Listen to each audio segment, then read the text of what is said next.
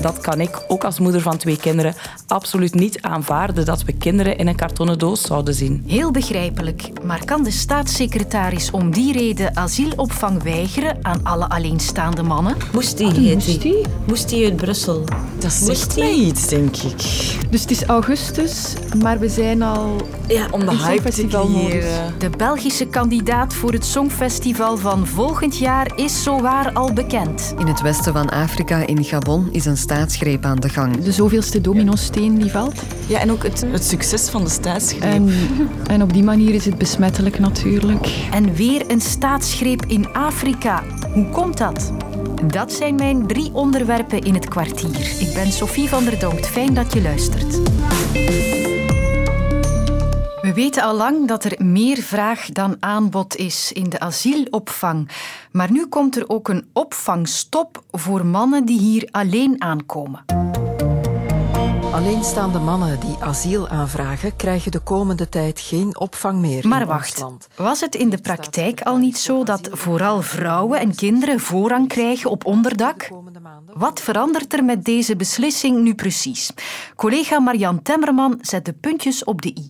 In de praktijk verandert er weinig vandaag. In de zin van mannen die zich aanmelden eh, om te registreren als asielzoeker, die mogen zich wel registreren, die mogen dus die asielaanvraag doen, maar dan krijgen ze een brief waarop staat er is geen plaats voor jou in de opvang en dan worden ze eigenlijk gewoon naar buiten begeleid en staan ze op straat. Dat is al een jaar lang de situatie zoals ze is. Wat gebeurt er dan? Zij gaan dan via hulp van vluchtelingenwerk vaak naar de rechtbank. En daar dwingen ze een plaats af, het recht af. Hè. Dus ze gaan naar de rechtbank om dat recht op te eisen om een opvangplaats te krijgen. Keer ze dat hebben, komen ze op een wachtlijst terecht. Daar worden ze gewoon in volgorde door Fedasiel opgeroepen.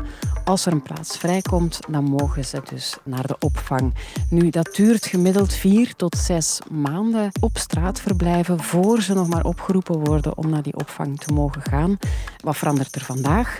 Ze zullen niet meer opgeroepen worden. Dus de mensen die op die wachtlijst staan, zullen niet meer bericht krijgen. Er is een vrije plaats voor jou, je kan komen. Maar waarom neemt de staatssecretaris dan nu deze beslissing? De nuchtere en ook zeer harde realiteit is dat we ondanks al die nieuwe centra die we openen, er niet geraken zonder deze beslissing om alleenstaande mannen tijdelijk niet meer op te vangen, zal ik binnenkort ook geen kinderen kunnen opvangen. En dat kan ik, ook als moeder van twee kinderen, absoluut niet aanvaarden dat we kinderen in een kartonnen doos zouden zien. Daarom dus, klinkt begrijpelijk. Maar er zijn natuurlijk ook al meteen veel reacties opgekomen. Dus vraag ik aan Marian om mij te gidsen door alle verschillende stellingen en argumenten. En we beginnen hiermee. Stelling 1. Maar op dit moment, met de cijfers die we nu zien vandaag, kan ik niet anders dan alle plaatsen voor gezinnen met kinderen voor te behouden. We hebben nog nooit zo hard onder druk gestaan voor een lange periode als vandaag. Vaak verloopt dat in pieken. Hè? Dus je hebt een, hele periode waarin er minder asielaanvragen zijn. En dan heb je ineens een piek, zoals we dat in 2015 gezien hebben, van ineens heel veel mensen tegelijkertijd die in ons land aankomen en, en asiel aanvragen. Ehm, het zijn er niet zoveel nu als in 2015, maar over een langere periode gespreid wel veel meer dan gemiddeld. Waardoor je inderdaad een aanhoudende druk hebt, hè, wat zij ervaart eh, van, van mensen die asiel vragen en dus opvang nodig hebben. Dus dat klopt wel. Een misschien wel voor de hand liggende reactie van Vluchtelingenwerk Vlaanderen gaat over de juridische kant van de zaak. Stelling 2. Elke persoon die aankomt in België en bescherming zoekt, heeft recht op opvang. We mogen niet vergeten dat deze crisis al twee jaar aanhoudt, dat de wet voorziet in noodoplossingen, in noodmaatregelen. Wat Vluchtelingenwerk Vlaanderen daar zegt klopt volledig. Je hebt het recht op opvang als je asiel aanvraagt. Het is dus onwettig om dat niet te geven. Haar beslissing is dus niet wettelijk. Er is iets in de opvangwet uh, geschreven van stel dat er op een bepaald moment moeilijk is of niet mogelijk is om iedereen de opvangplek te geven die ze nodig hebben, dan is er noodopvang uh, mogelijk. En daar zijn een aantal opties opgesomd uh, wat dat bijvoorbeeld zou kunnen zijn. Daar zijn opties die ze niet benut. En dan, nummer drie. Iets waar de staatssecretaris en Vluchtelingenwerk Vlaanderen het duidelijk niet over eens zijn: het spreiden van opvangplaatsen. Er zijn uiteraard verschillende oplossingen mogelijk, maar de meest gemakkelijke is dat er een spreidingsplan geactiveerd wordt naar lokale besturen toe, waarbij elke gemeente zijn steentje bijdraagt. En dan gaat het echt niet om grote aantallen mensen die moeten opgevangen worden per gemeente. Wij schatten dat het gaat om zo'n vijf personen per gemeente. En daarmee zou deze crisis onmiddellijk opgelost zijn. Versus? Die spreiding is er absoluut. Wat er niet is, is oneindig veel beschikbare woningen om die opvang in te organiseren. Een verplichting voor gemeenten om eh, vrijstaande woningen of lege woningen in te zetten voor asielzoekers. U mag eens aan de burgemeesters gaan vragen hoeveel lege woningen zij nog hebben op het grondgebied. Er is een gigantisch tekort aan huisvesting. Dus leegstaande woningen kunnen niet zomaar ingezet worden, simpelweg omdat ze er in heel wat gemeenten niet zijn. Ja, dat is natuurlijk niet zo zwart-wit. Uh, ze hebben allebei een deeltje uh, van de waarheid die ze verkondigen. Het spreidingsplan kan opgelegd worden. Ze kunnen dus gemeenten verplichten om verhoudingsgewijs zoveel mensen die aankomen verplicht onderdak te geven, opvang te geven. Nu is er inderdaad een huisvestingsprobleem in Vlaanderen, zeker. Um, het is zo dat er voor heel wat mensen geen huisvesting gevonden wordt of geen goede huisvesting gevonden wordt. Dus dat is wel een probleem. Nu kan je natuurlijk wel denken van goh, vijf per gemeente, dat zou nu toch wel moeten lukken. Dus ja, is het een politieke keuze, zo stelt Vluchtelingenwerk Vlaanderen dan. Het is een politieke keuze om het niet te doen in principe hebben ze daar gelijk. Veel pro's en contra's dus. En aan politieke reacties ontbrak het ook niet vandaag. Groen wil hier een gesprek over in de regering. En de Brusselse minister-president Rudy Vervoort vindt de beslissing zorgwekkend. Hij vreest dat er op die manier nog meer daklozen in Brussel zullen zijn. Een discussie die zeker nog een vervolg krijgt in de herfst en de winter. Hi, this is Musty. I'm super happy, super proud to represent Belgium in Sweden next year at the Eurovision Song Contest. Gianni Palink, onze songfestivalman. Dag Sophie. Sorry Gianni, maar ik vind het ontzettend vroeg. Na een vorig songfestival wil ik minstens een half jaar met rust gelaten worden, maar daar zijn ze al met een nieuwe kandidaat. Ja, we zijn er ontzettend vroeg bij. De RTBF mocht of moest de kandidaat selecteren. En uh, ja, kijk, uh, we zijn de eerste. Ik heb het uitgerekend. Uh, het is nog 251 keer slapen tot die eerste halve finale in Malmö in Zweden.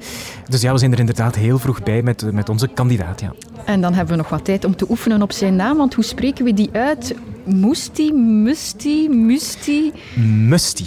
Musti. Het komt van zijn echte naam, Thomas Mustin. Het is een Franstalige kandidaat. En dus hij heeft zijn artiestennaam afgeleid van zijn familienaam. Maar je spreekt over een artiest, dus het is meer dan een zanger alleen? Ja, absoluut. Hij is vooral bekend, of in de eerste plaats bekend als acteur. Dat was blijkbaar ook zijn jongensdroom, zijn, zijn eerste droom om acteur te worden. Hij heeft ook al een Magritte gewonnen trouwens, voor uh, de beste belofte. De belangrijkste filmprijzen in, in Franstalig België. Dus daar is hij vooral van bekend in Franstalig België. Maar sinds enkele jaren is hij ook met muziek bezig. heeft al twee albums uitgebracht.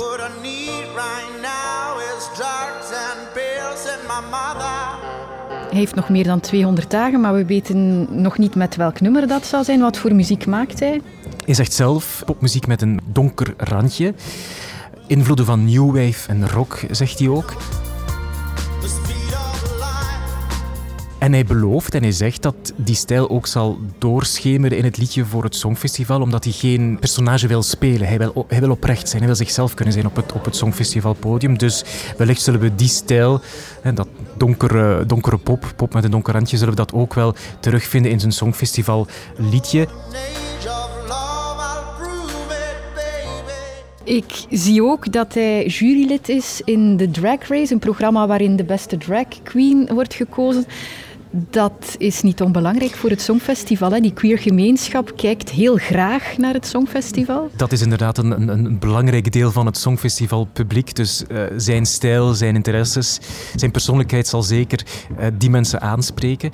Ik denk en ik hoop dat hij natuurlijk ook wel het iets breder zal, uh, zal zoeken. Dat hij een breder publiek zal appelleren. Want het Songfestival is inderdaad een, een belangrijk deel, die, die holibi-gemeenschap, die queer-gemeenschap. Maar het is bij uitstek natuurlijk ook een, een familiegebeuren. Dus het, het wordt ook wel belangrijk om ook die mensen aan te spreken. En ja, hij zal dat wellicht ook wel doen. Hij zegt zelf, omdat hij acteur is, dat hij een, een totaal act zal maken op het, op het podium. Dus het zal niet enkel een liedje brengen zijn, een liedje zingen zijn. Het zal zegt hij zelf, een totaalpakket zijn, een totaal act. En dat was ook waarom hij ja heeft gezegd op de vraag om deel te nemen aan het Eurovisie Songfestival. Omdat hij op dat grote podium, en dat is de grootste liedjeswedstrijd ter wereld, niet enkel een liedje hoeft te brengen, maar echt ja, een, een verhaal kan brengen, een act kan neerzetten.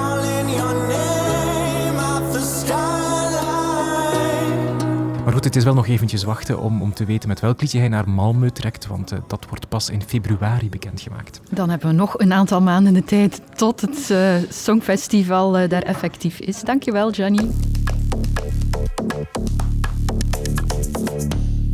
We gaan een kleine 6000 kilometer naar het zuiden nu, naar Gabon in Afrika.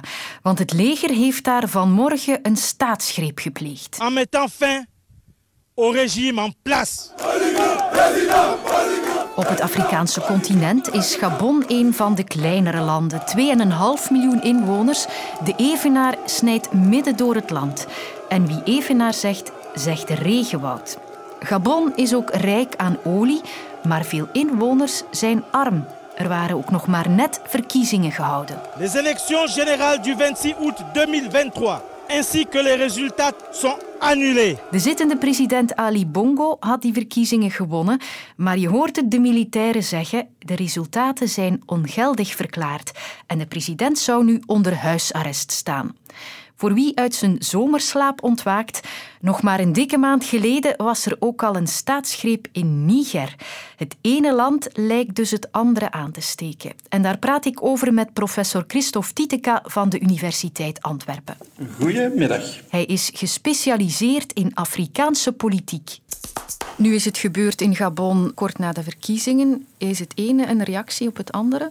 Ja, absoluut. In Gabon hebben we een familie die al zo'n 55 jaar aan de macht is en die alle legitimiteit, of bijna alle legitimiteit, is verloren doorheen de jaren. In 2019 was er reeds een poging tot staatsgreep, die is mislukt. En nu zien we dus een nieuwe.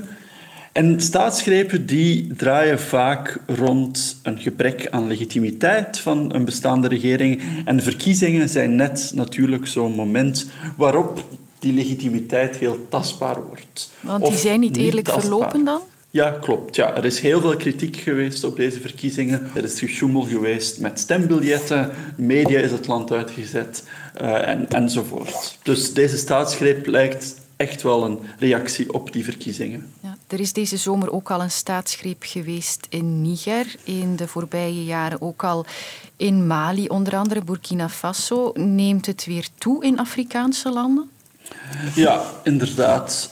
Als deze staatsgreep in Gabon succesvol is, zijn er sinds 2020 acht staatsgrepen geweest. Um, wat we zagen is dat er sinds 1950 zijn er wereldwijd zo'n 400-tal staatsgrepen geweest, waarvan min of meer de helft in Afrika. Vooral tijdens de Koude Oorlog. Uh, en na het einde van de Koude Oorlog zag je dat dit zich min of meer stabiliseerde. Maar de laatste jaren zie je dus opnieuw een sterke toename in het aantal staatsgrepen. Kunnen we zeggen dat een staatsgreep besmettelijk is? Ja en nee. Er zijn twee soorten van besmettelijkheid van, van koels. Een eerste vorm is intern binnen een bepaald land. En daar is het inderdaad duidelijk dat staatsgrepen een hoge vorm van besmettelijkheid hebben. Een recente coup kan leiden tot een nieuwe. Waarom? Omdat een staatsgreep bestaande machtsconstellaties heel sterk verandert. Het is het einde van een business as usual en daardoor zijn die nieuwe machtsconstellaties heel fragiel en daardoor kunnen ze leiden tot counterkoers. Bijvoorbeeld in Mali heb je vier staatsgrepen gehad in de laatste tien jaar en de twintig jaar ervoor had je er geen. Dus binnen een land zie je dat heel sterk. In de regio kan dit minder worden geargumenteerd, maar daar zie je een aantal bredere structurele factoren die wel een rol spelen. Uh, bijvoorbeeld door COVID heb je een sterke socio-economische impact gehad in de regio, waardoor armoede is gestegen.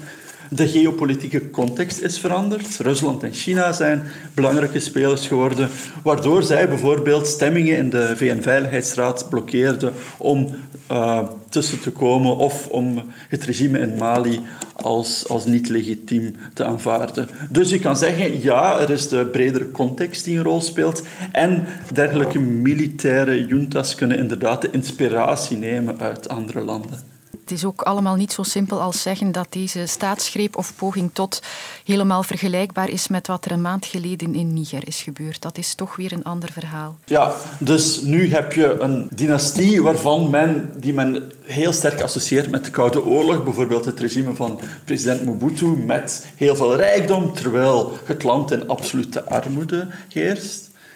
Um, terwijl in Niger had je een zekere vorm van democratisch verkozen regering die wel degelijk probeerde een uh, jihadi groeperingen te bestrijden uh, enzovoort. Vandaar dat de internationale reactie ook feller was naar Niger dan ze nu zal zijn naar Gabon. De ene staatsgreep is dus toch de andere niet. Ik ben klaar voor vandaag. Tot morgen voor een nieuw kwartier. Seksuologe Lotte van Wezenmaal praat met bekende Vlamingen over hun liefdes- en seksleven. Luister mee in Lotte gaat diep in de app van VRT Max.